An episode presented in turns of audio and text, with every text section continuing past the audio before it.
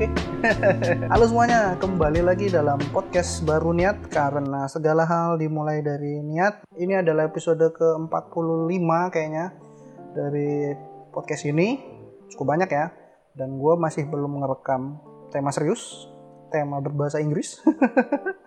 Dua itu mungkin di episode 46 48 akan gue bikin. Dan setelah itu kita akan masuk ke season 3 karena season gue ngitung seasonnya per 25 episode.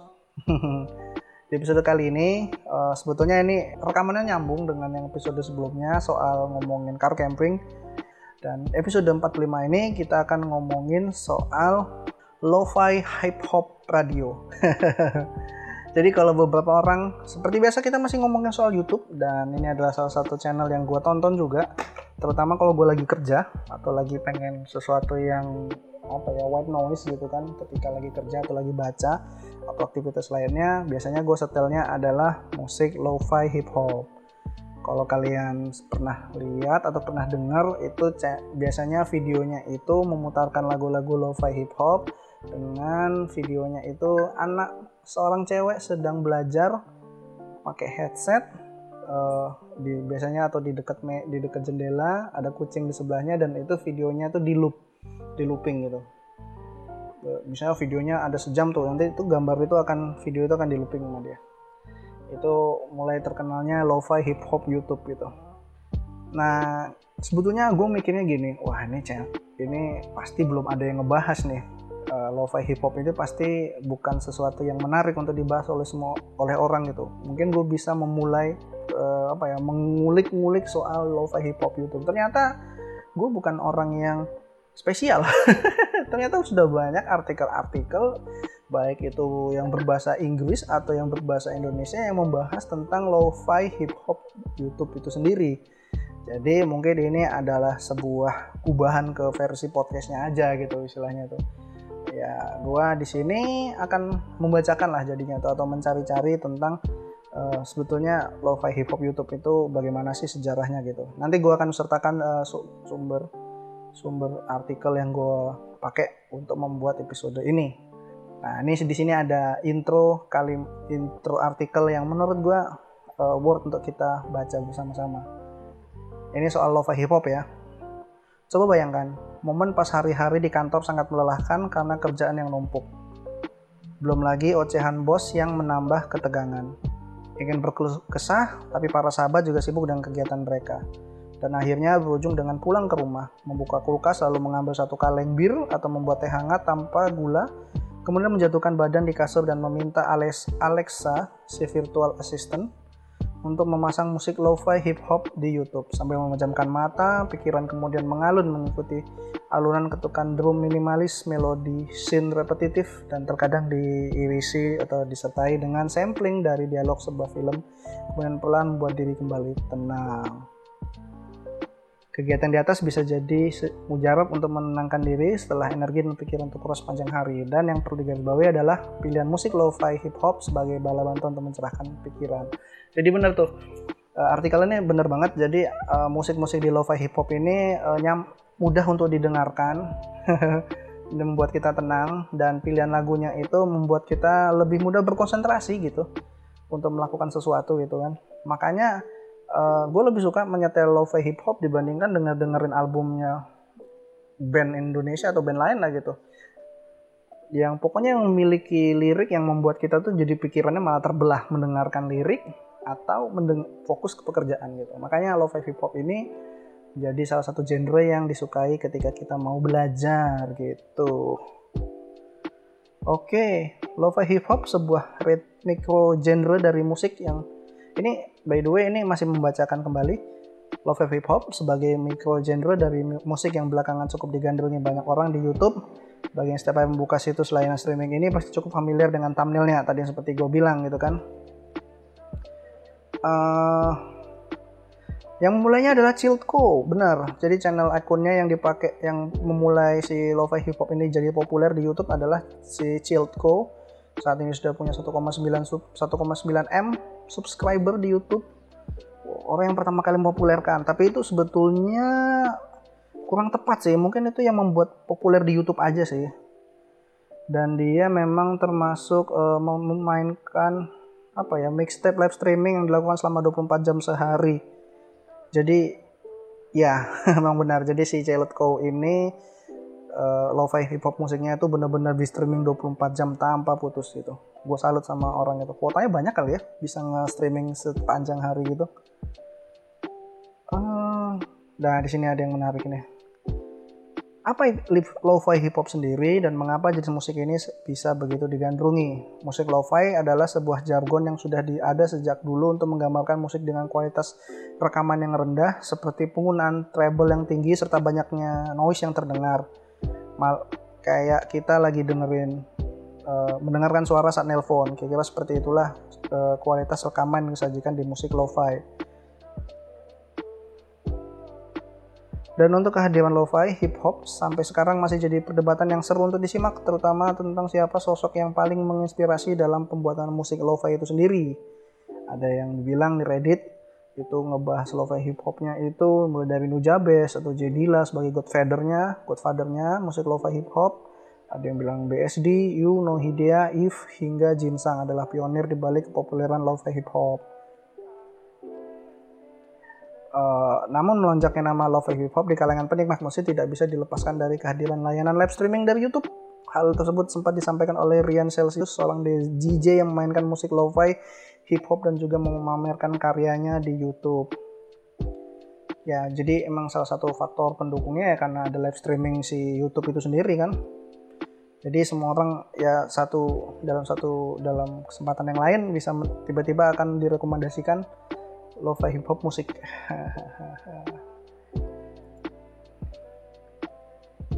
ah, di sini bisa ada penjelasan yang lebih detail tentang definisi lo-fi sendiri. Lo-fi atau musik dengan low fidelity.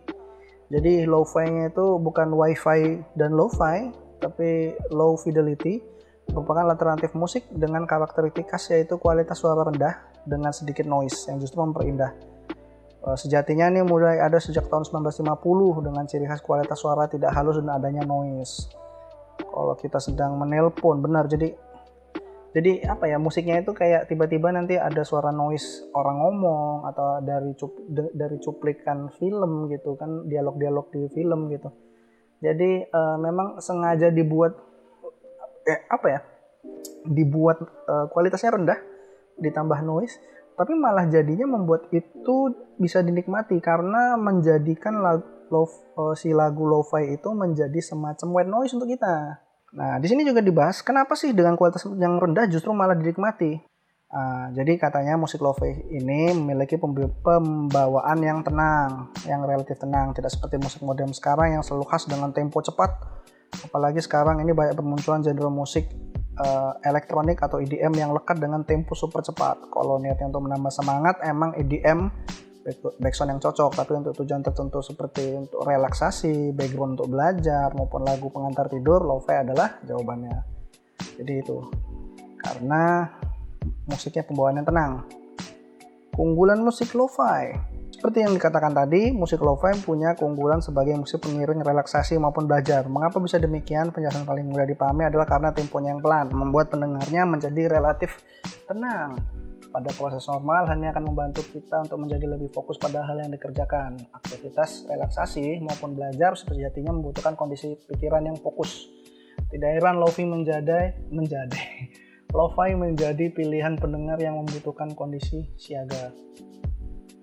Terus ada mungkin ada pertanyaan juga, tapi kok aku kok bisa kok dengan musik favoritku yang bukan lo-fi? Nah, di artikel ini katakan kondisi seperti ini mungkin hanya berlaku pada beberapa orang saja.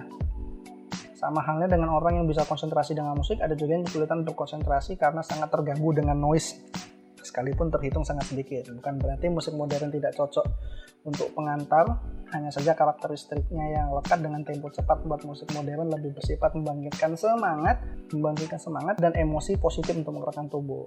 Beberapa penelitian juga menunjukkan bahwa untuk kondisi normal, musik modern cenderung hanya bisa membuat orang fokus pada pekerjaan yang dikerjakan dalam beberapa, dalam beberapa menit awal. Sisanya mereka akan terganggu karena pendengar justru akan menikmati musik dibandingkan menyelesaikan pekerjaan mereka.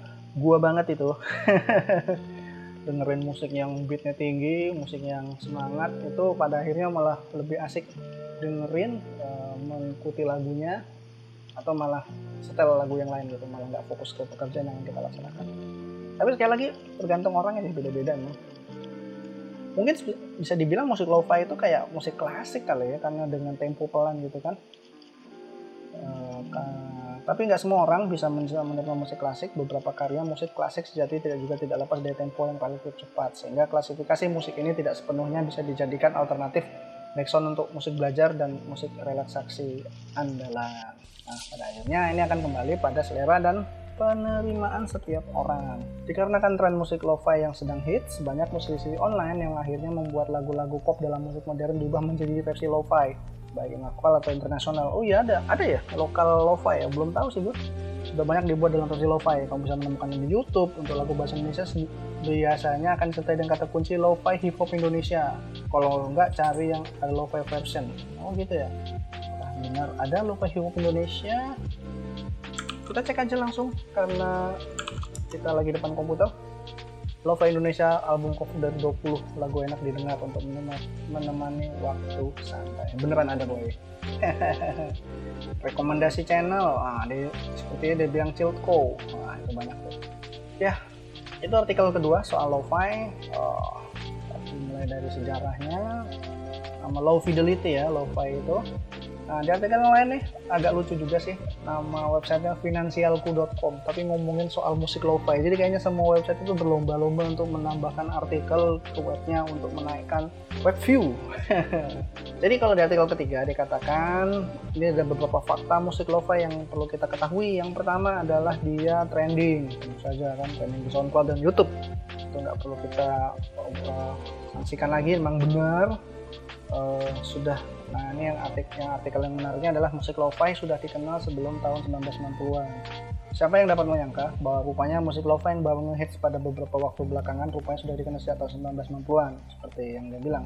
Namun faktanya musik ini memang sudah ada jauh lebih dahulu dibandingkan Anda yang lahir pada tahun 2000-an atau juga yang dikenal dengan generasi Z.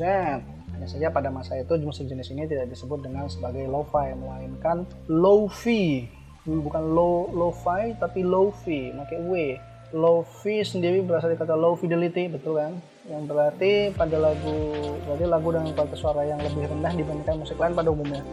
Kayak bisik-bisik lah ya istilahnya tuh nah ini artikel yang lain juga nih dia ngomongin di nomor 4 suara unik yang tidak akan ter terdapat di genre lain. Bagi anda yang pernah mendengar salah satu musik dari lo-fi tentunya paham dengan dengan apa yang dimaksud. Disebut unik karena musik lo-fi dapat di musik lo-fi anda dapat mendengar suara-suara yang umum kita dengar seperti suara anak sedang bermain percakapan beberapa orang kicau burung suara halaman buku dibolak-balik hingga suara-suara yang sedang mengunyah snack Karenanya adalah semua suara ini dipadukan dengan begitu harmonis sehingga menghasilkan sebuah musik yang indah. Jadi ya itulah low fidelity. Uh, dengan kualitas rendah, orang bisik-bisik ditambah noise. Tapi justru karena musiknya pelan, jadinya malah memberikan ketenangan buat kita untuk mendengarkannya. Seperti yang dibilang, kayaknya sudah banyak yang versi di lo-fi kan malah justru eh, lagu-lagu uh, sekarang itu. Dan ini karena genrenya lagi gandrung dan terkenal kan, wajah-wajah aja sih. Malah banyak musisi yang membuat lagu-lagu khusus untuk lo-fi gitu.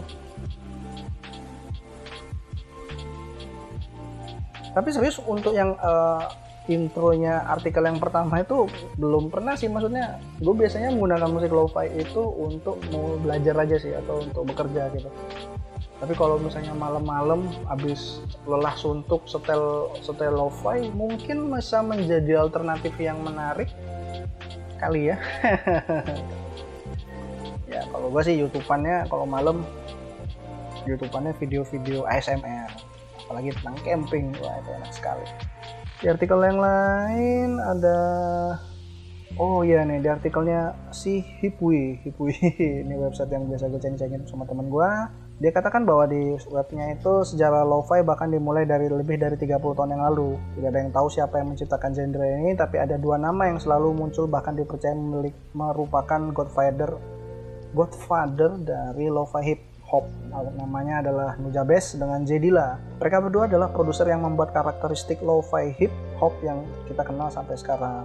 Jedila adalah seorang record producer yang berasal dari Detroit. Yang membedakan Jedila dari semua artis di hip hop pada tahun 90-an di mana kebanyakan artis hip hop menggunakan beat yang cepat dan keras, si Dila ini memilih menggunakan beat yang lebih santai, bebas dan halus Fox yang membuat video yang bagus dalam membuat bedah musik musiknya jika kalian menonton bisa dicek di YouTube sayangnya si J ini meninggal disebabkan komplikasi dia penyakit darah langka dan lupus pada 6 Februari 2006. Ini jadilah uh, yang kedua tadi nama kedua yang disebut adalah Nujabes atau di sini disebut juga Subejun. Seorang rekod produser dari Sakura, Nujabes memiliki style yang sangat berbeda dalam hip hop. Dia menggabungkan dengan mensintesis sampel, melodi, dan ketukan bersama-sama. Nujabes mengangkat suara menjadi lebih kaya, suasana hati yang pedih. Nujabes selalu mengambil sampel dari hip hop, jazz, dan elektronika bersama untuk menciptakan sesuatu yang 100% Nujabes. Wah, ini kayak dia menciptakan genre yang baru nih. Kebanyakan lagu-lagu Nujabes tidak terlalu terkait dengan sebuah genre, tapi musiknya lebih terkait dengan emosi yang disebutkan di atas. Nujabes selalu bisa menarik suasana hati dari pendengarnya. Lagu Nujabes memiliki kesan hangat, membuat para pendengarnya ingin kembali ke masa lalu di mana dia lebih simpel dan bahagia. Wah ini lagu-lagu nostalgia bisa dibilang ya genrenya si Nujabes ini ya. Hmm, tapi bisa dibilang Nujabes lah yang membuat lo-fi hip hop menjadi populer dengan kolaborasinya dengan sutradara anim Shinichiro Watanabe Samurai Champloo. Wah bener juga ya. Samurai Champloo itu memang background musiknya tuh bagus banget. Mungkin Nujabes ya yang bikin ya.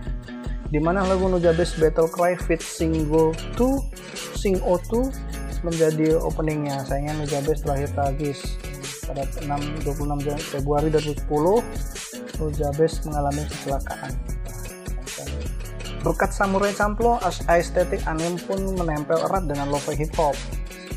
Jadi itu uh, artikel terakhir tuh menyebutkan bahwasanya lo-fi hip hop ini menjadi semakin uh, related atau identik dengan anime itu semenjak Samurai Champloo dan dan memang kalau kita lihat kan yang si Chiyotko sendiri menggunakan uh, tokoh karakter cewek anim itu kan untuk lagu si lagu lo-fi hip hopnya gitu.